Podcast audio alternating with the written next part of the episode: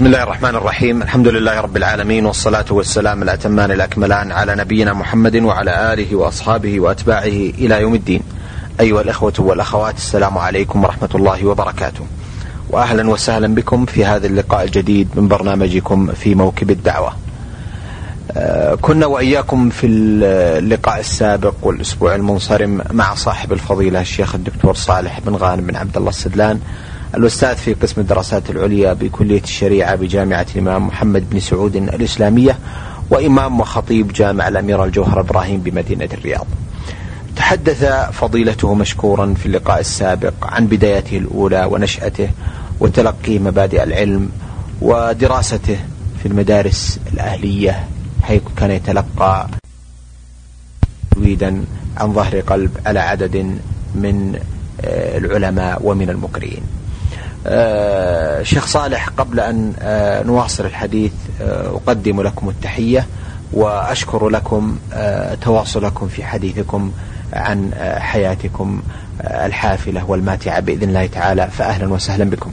حياكم الله وحيا الله الإخوة المستمعين والمستمعات ونسأل الله جل وعلا أن يوفق الجميع. شيخ صالح الحقيقة توقف الحديث آه، في الأسبوع الماضي عن إتمامكم لحفظ القرآن الكريم وعن آه، قصة الحفلة التي أقيمت تكريما لكم بختم القرآن الكريم وحفظه عن ظهر قلب. آه، ثم ماذا كان بعد ذلك؟ نعم. بعد أن ختمت القرآن نسميه ختمة نسميه أكملت القرآن الكريم استمريت أيضا لإعادة حفظ القرآن يسميه تجريد. يسمونه أول الحفظ ثم التجريد. يعني يقرأه مرة أخرى على الشيخ الذي قرأ عليه القرآن. آه، أشهر فقط. وكان الوالد رحمه الله دائما يقول لي آه، أحب أن تحضر درس الشيخ محمد بن إبراهيم آه، مفتي الديار السعودية رحمه الله. كان يطلب مني هذا ولكني أنا لا أدرك ما يقوله الوالد في ذلك الوقت. كان يقول إنه يتكلم عن طوائف الابتداع وعن المبتدعة وعن الجهمية والمعتزلة. كانوا يقرأون في متن الطحاوية عرفت فيما بعد. يقرأون عن الشيخ في متن الطحاوية في كتب العقيدة وفي المطولات من الفقه من يقرأون في الإنصاف ويقرأون في المغني ويقرأون. ونحن على كل حال لا ندرك هذه الأشياء لكن كان والدي يتمنى أن أحفظ. فكانت أمنية الوالد تحققت بمشروع دعا إليه الشيخ محمد بن إبراهيم آل الشيخ رحمه الله وهو أنه قال لرجل يدعى آه، الشيخ سويلم رحمه الله توفي قريبا قال له وقال الحضور جميعا والذي يقرأ عليه في صلاة الفجر في الحقيقة أنا أرغب في آه، إنشاء معهد خاص بالعقيدة والحديث والتفسير والفقه. ولا أريد أن أدخل معه مع علوما أخرى حيث أن المعهد العلمي فيه الجغرافيا وفيه التاريخ وفيه الحساب وفيه الإملاء وفيه الخط وفيه الأدب وفيه هذه العلوم. فكان يريد أن يجعل المعهد خاص يريد أن يجعل المعهد خاص فقط بحفظ بحفظ هذه المواد والعناية بها. وطلب مني الوالد أن أحضر قال أريد أن أدرب بعض الصغار لا أريد الكبار. لا أريد كبارا كلهم يكونون أعمارهم دون العشرين. يعني قال من العاشرة إلى العشرين. سجل لي يا سويلم اللي أسماءهم اللي أعمارهم في هذا الحد. وليكن درسهم بعد أن ننتهي من درس المطولات. يسمون الكتب الكبيرة تسمى المطولات. وكان يبدأ بالمطولات بعد الفجر إلى طلوع الشمس. ونحن بعد طلوع الشمس يستمر معنا في حدود نصف ساعة أو آه، نحو ذلك. وقرر لنا كتابين كتاب الأربعين النووية وكتاب التوحيد. وعلى الشيخ عبد اللطيف بن إبراهيم أخو الشيخ محمد ورئيس المعاهد والكليات يدرسنا الفرائض والنحو. فكانت أربع مواد نقرأ على الشيخ عبد اللطيف بعد الفجر مباشرة النحو والفرائض. ونقرأ على الشيخ محمد التوحيد والحديث. واستمرنا على هذا آه، أشهر أيضا وأجروا لنا امتحان. وقالوا من نجح فيلتحق بالمعهد الذي فكر فيه الشيخ محمد بن إبراهيم. يعني درسنا أشهر فقط ثم اختبرونا في هذه المواد ونجحنا والتحقنا بالمعهد وافتتح المعهد عام 74 السنة الأولى التمهيدية. تعادل آه، يعني الشيخ محمد قسم طلابه قسمهم إلى أقسام كلهم يريد يريد منهم أن يدرسوا في المعهد. لكن الكبار منهم يقرؤون عليه ويقرؤون دروس تقام في المسجد دروس له ودروس محمد الشيخ محمد أمين الشنقيطي. آه، فكان هو يدرس في الصباح ومحمد أمين الشنقيطي بعد ذلك للكبار. فقسمونا آه، منا من التحق بأولى تمهيدي ومنهم من في ثاني تمهيدي ومنهم من كان في المتوسط. ومنهم من كان في القسم العالي. على هذا التقسيم. فأنا التحقت في أولى تمهيدي. والشيخ عبد العزيز بن عبد الله في أولى متوسط. آه لا ونحن متقاربين في السن لكن هكذا اختاروا الطلاب. فكنا في أولى تمهيدي 140 طالب. وكلنا صغار وفينا بعض الكبار اللي يكبروننا بعشر سنين 12 سنة. لكن يعني يدلك على أن فيه كبار وأنهم ما واصلوا وأنهم مشغولين بأمور الحياة. لما تخرجنا من الثانوي بدل 140 24 ما شاء الله. 24 والباقي يعني منهم من رسب وانصرفوا ومنهم من مات. أذكر منهم سبعة أنفار ماتوا. عجيب. نعم سبعة تقريبا ماتوا. وأما البقية آه، سبعة أنفار ماتوا. وأما البقية فواصل إلى تخرجنا من الثانوي ونحن 24 وكان ترتيبي الرابع من 24 المو... دخلنا يعني التحقنا بهذا المعهد في أولى تمهيد كما قلت لك عام 74 وكانت المواد اللي تدرس هي الحديث ومصطلحه والتفسير وأصوله والفقه والتوحيد يعني العقيدة. هذه دروسنا فقط. واختار لنا الشيخ محمد بن إبراهيم رحمه الله آه، بعض المشايخ الذين هم في سنه مثل الشيخ عبد الله بن نصبان رحمه الله كان في سن الشيخ محمد بن إبراهيم وإبراهيم الخنيزان قاضي أيضا رحمه الله وحماد الأنصاري رحمه الله وإسماعيل الأنصاري رحمه الله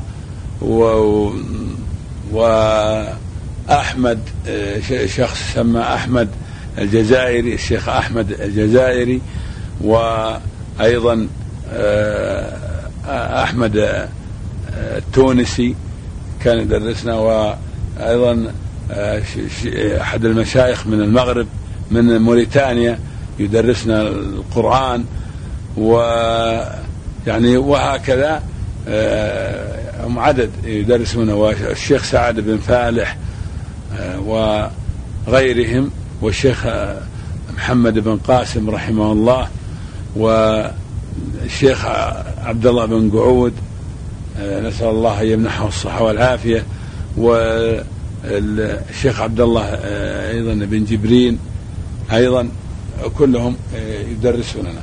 وكان الشيخ عبد الله بن جبرين والشيخ بن فريان عبد الرحمن بن فريان والشيخ يعني هؤلاء في أعلى يعني في القسم العالي يدرسون. هذا من طلاب الشيخ وجعل لهم درس في المسجد.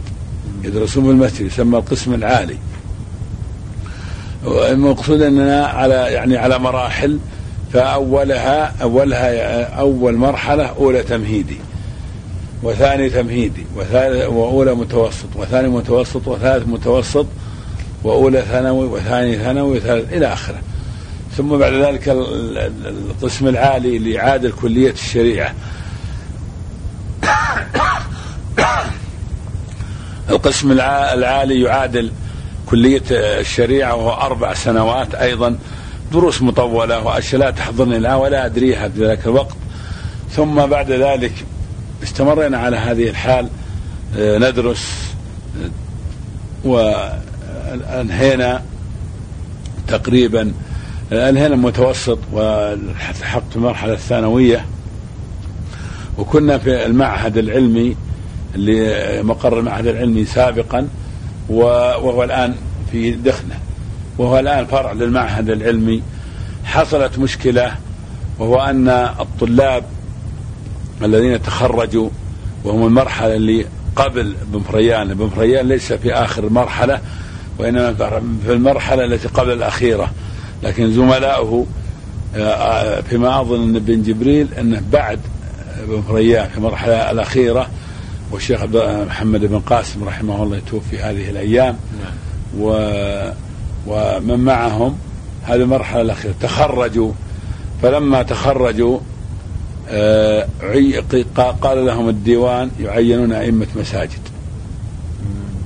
فكانت مشكلة آه إن كيف إحنا ندرس والنهاية نعين أئمة مساجد ولا نعين في القضاء ولا في التدريس ولا كذا ولا كذا والمواد اللي تدرس في كلية الشريعة نفس المواد التي ندرسها.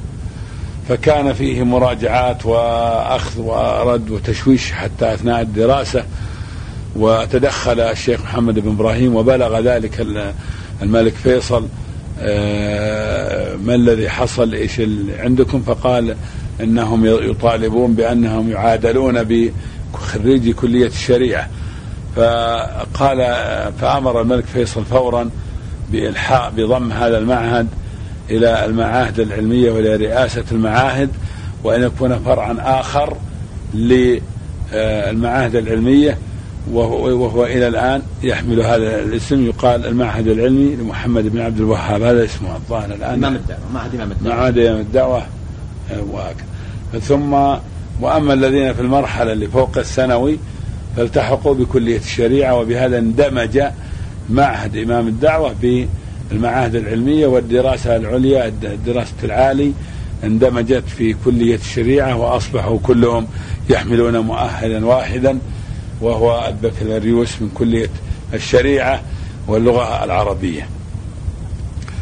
واصلنا دراستنا بالحقيقة واستمرينا لكن الشاهد في ذهابنا ومجيئنا إلى المعهد وإلى المدرسة تحفيظ القرآن ما كنا في مثل هذا الوقت. الآن يعني الخيرات والنعم والأمن والطمأنينة وكان في أمن الأمن موجود ما فقط بس فقط تكلم عن المعيشة وحالة الناس وكيف كنا ندرس وما هي المقاعد اللي كنا نجلس عليها واللباس معظمنا وخاصة الصغار اللي هم في سني كلنا نأتي بدون أحذية. ما في أحذية يعني ما في وكذلك ما في شيء اسمه فطور ما نفطر. إلا بعد أن صرنا في المرحلة المتوسطة والثانوية بعد ذلك كثر الخبازون أهل الخبز والرياض صار قريب من منطقتنا خبز صار الناس يأكلون قبل أن يأتوا المدرسة. لكن في السابق أولا لا ما, ما كنا نعرف هذا الشيء. نأتي يستيقظ الواحد ويغسل وجهه ويلبس ثوبه أحيانا يكون في حذاء وأحيانا يتركه ويمشي. وكانت المسافة بين آه، بيتنا والمسجد اللي ندرس فيه تقريبا آه، يعني في حدود 800 متر. الله أعلم بهذا الحدود. نعم. لأن البيت اللي آه، نسكنه تقريبا شرق أو جنوب. وزارة العدل الآن أو مبنى وزارة مبنى المحاكم الآن الجديد نعم. عنه في الجهة الجنوبية. ونذهب إلى مسجد الجفرة. آه، ولكن ونحن نذهب ذاهبون إلى المدرسة وخاصة ونحن راجعون. يحصل بعض المعاناة والضعيف يغلب. ويضرب آه، ويصيب مثلا قذف بالحجارة ويشج الواحد منا ولا يخبر أهله من بعض البذيئين ونحو ذلك. وأذكر أنه مرة من المرات كانت مضاربة بين اثنين آه، متباعدين كل واحد يرسل من الحجارة على زميله ولكنها واحد من هذه الحجارة صارت نصيبي أنا. فضربتني من جنب الرأس من فوق الأذن. وكانت جدتي رحمها الله إذا جئت من المدرسة تطلب مني أني يعني أضطجع على الأرض وأضع رأسي على قد رجليها و يسميه شيء يسميه تفليني. وتطلع إن كان فيه قمض أو في شيء. وصرت أهرب. فقالت آه، الولد هذا له أيام ما جاء لمي شو هو وش ترى يمكن مفلوق نسميها فلقة. إيه. الشجة نسميها فلقة. فاحضرتني الوالده بقوة وجاءت أجلس. جلست وإذا والله الفلقة يعني قوية قوية جدا. خمسة أيام أو ستة أيام مع هذا عليها الدم وعليها كذا فعرفوا السبب أني أهرب عن جدتي. لا, لا تعمل عملها اللي كنت يوميا آه، إذا جيت من المدرسة على طول يعني أضطجع وأضع آه، آه، رأسي على رجليها رحمها الله فأخذوا في معالجة هذا الجرح و يعني وحتى وضعوا عليه شيء من الملح ومن الورق المحترق يعني يسمونه علاج هذا هذا هو العلاج في ذلك الوقت. الأمور كلها بدائية. على عكس ما نحن عليه الآن من النعم الخير العظيم والعلاج المتوفر في المستشفيات والمستوصفات والمستشفيات الأهلية والمستوصفات الأهلية. نسأل الله سبحانه وتعالى أن يعز الإسلام والمسلمين وأن يحفظ هذه البلد وأن يحفظ أيضا آه، ولاة أمورها ويعينهم ويسددهم. المقصود أننا آه، نلتحق آه، نأتي إلى المدرسة من الأيام التي أو الشيء النكت اللي تحصل أنه إذا حصل مطر أو رأى الإمام أو الشيخ قصدي مطوع أن الغيم يعني يتراكم وأنه يوشك أن ينزل المطر أخرجنا. حتى نصل إلى بيوتنا قبل أن يعني ينهال المطر ثم منا الحافي ومنا الذي كذا والبلد يعني ما فيها زفت الشوارع ما زفتت طين. وخاصة إذا أصبح المطر قوي لا يستطيع الإنسان أن يمشي من الوحل بل ربما يسقط مرتين وثلاث قبل أن يصل إلى أهله. والحمد لله كل هذه الأمور الآن أصبحت أحلام ما ما يفكر فيها الإنسان.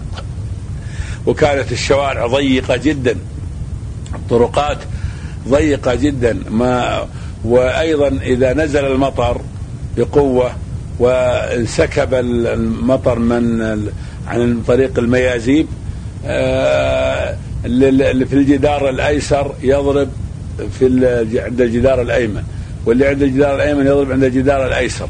وما ما نجد طريق. لهذا كان مطوع الشيخ محمد بن سان يخرجنا حتى نصل إلى بيوتنا قبل آه، انهمار المطر. ولكن أحيانا يحصل بعض آه، المواقف.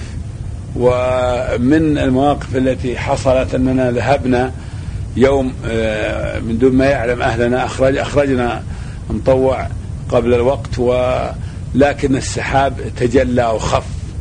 فقالوا لعلنا نذهب إلى حمير هناك ونركبها. فأنا الحقيقة آه، يعني كنت ممن ركب واحد من هذه الحمير. ولكن الحمار الذي ركبته آه، كان فحلا ورأى أمامه أنثى وكاد يسقطني فالحمد لله تداركني زملائي ونزلت عنه وتركته.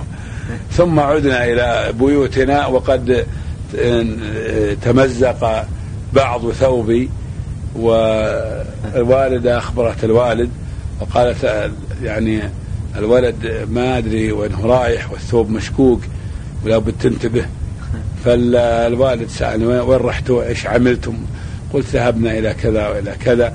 فقال من هم اللي معك؟ ذهبوا؟ فلان وفلان ومنهم عبد الله رضيان فأحضر عبد الله فريان رضيان وقال له ما تعود لمثل هذا وهذا خطأ وهذا ما ينبغي ولا يليق. فأعطانا رحمه الله درس يعني عجيب في في هذا ولا ولا عدنا لمثلها ابدا. وفي يوم من الأيام ونحن يعني نذهب إلى المسجد نصلي سويا آه، صار بين الأطفال اللي صافين في الصف الثاني وأنا واحد منهم يعني آه، لعب في الصلاة. فضحك بعضنا فلما التفت الوالد وإذا معه عصا آه، تناولنا كل واحد يعني أعطاه على خفيف. لكن أنا من اللي ما صارت خفيفة. واتفق أنها صارت في, في الركبة. فال وكان والد قليل جدا أي الضرب. ما يضربني أبدا ولا يضرب بأحد من إخواني. قليل جدا في السنة مرة أو في السنتين. قليل جدا.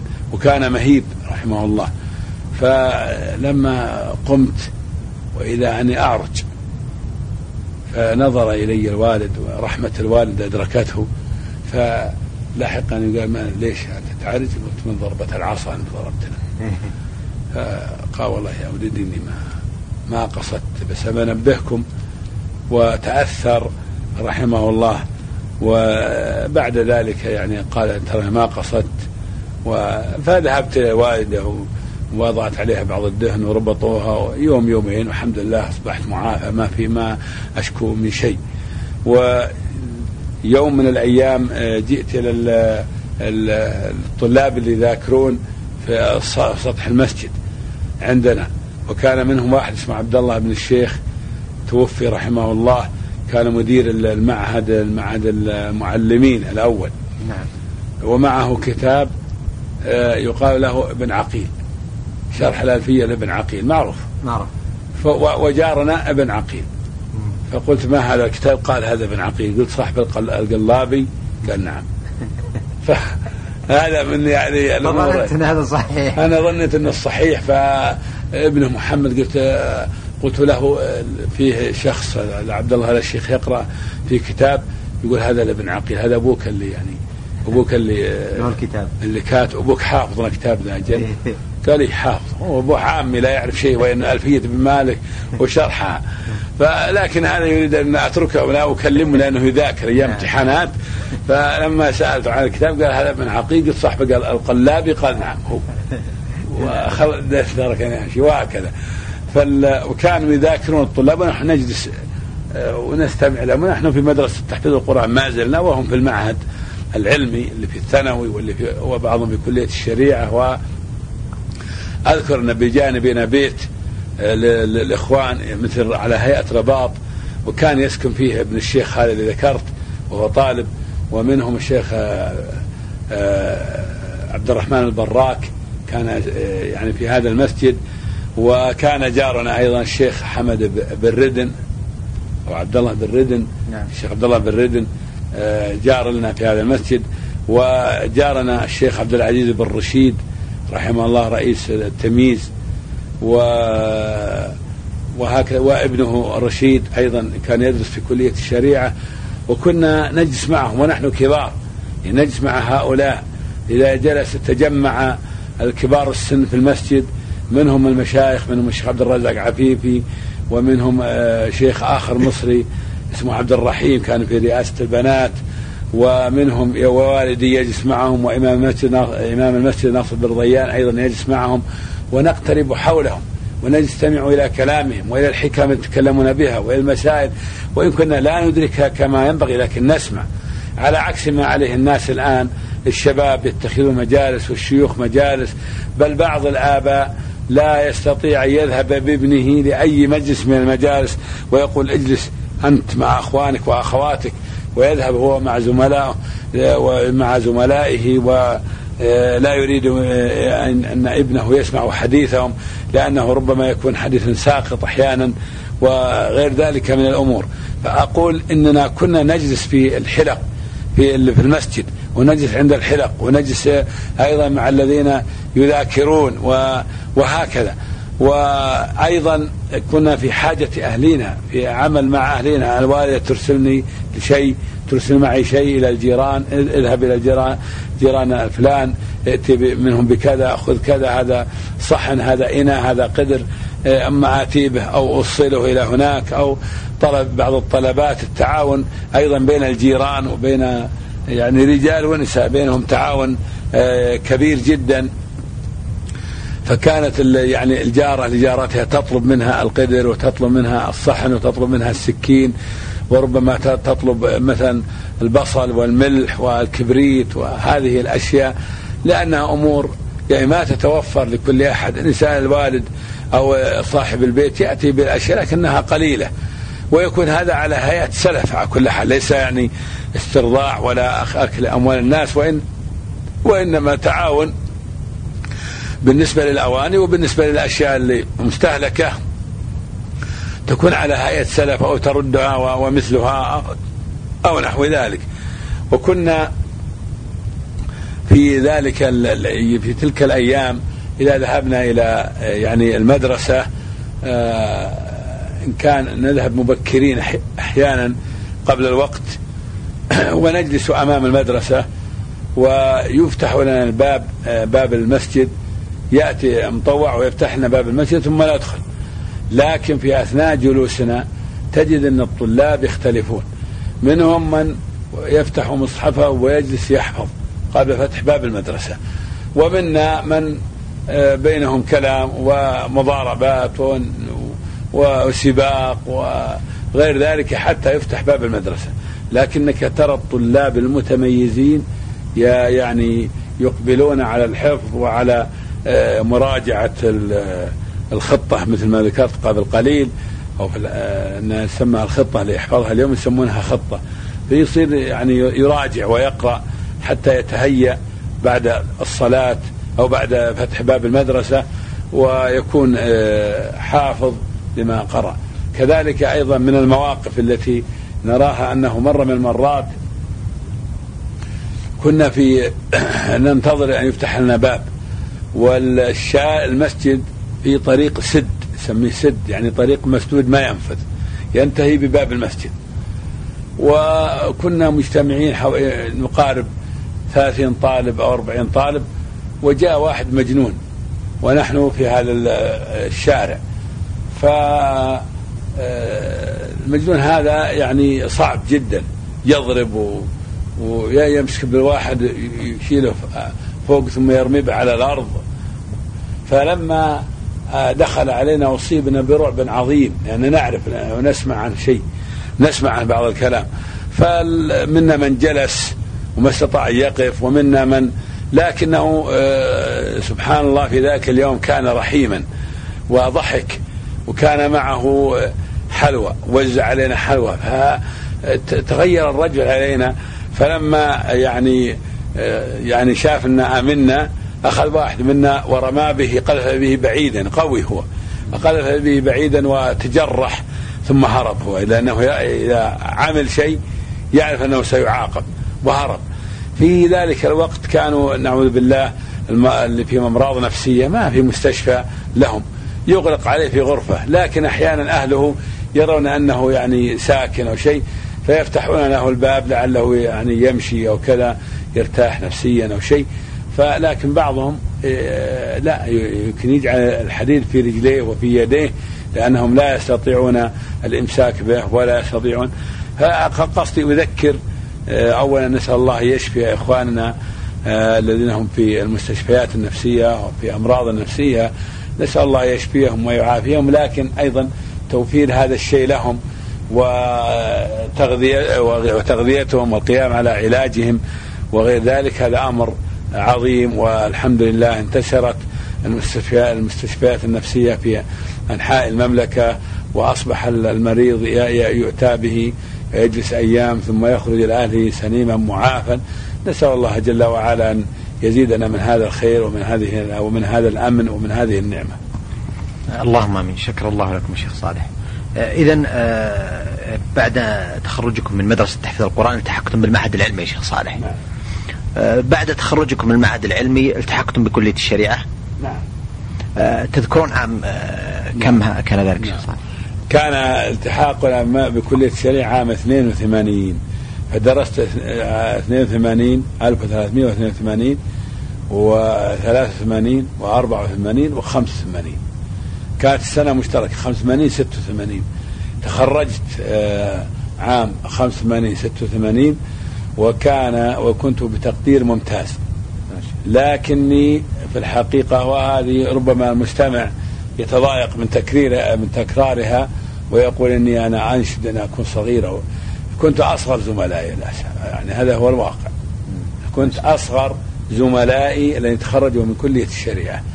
وإن كانت الإدارة أو إدارة الكلية يعني قد تكون معجبة بي وبما أنا عليه من خير ومن أدب ومن لا أذكر أني تغيبت ولا يوم واحد من كلية الشريعة. أربع سنين ما تغيبت يوما واحدا.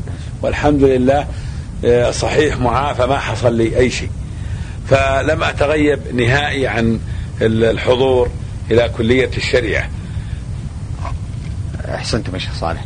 الحقيقة بودي أن أسترسل معكم لنواصل الحديث عن رحلتكم ومشواركم العلمي والدعوي إلا أنني أتوقف عند هذا الحد آه، مع وعدي للإخوة من المستمعين والمستمعات أن يكون لنا تواصل مع فضيلة الشيخ الدكتور صالح بن غانم بن عبد الله السدلان الأستاذ في قسم الدراسات العليا بكلية الشريعة بجامعة الإمام محمد بن سعود الإسلامية والذي أتحفنا بسرد لحياته الحافلة والماتعة بالمزيد من العطاء. والبذل للأمة آه، والدين.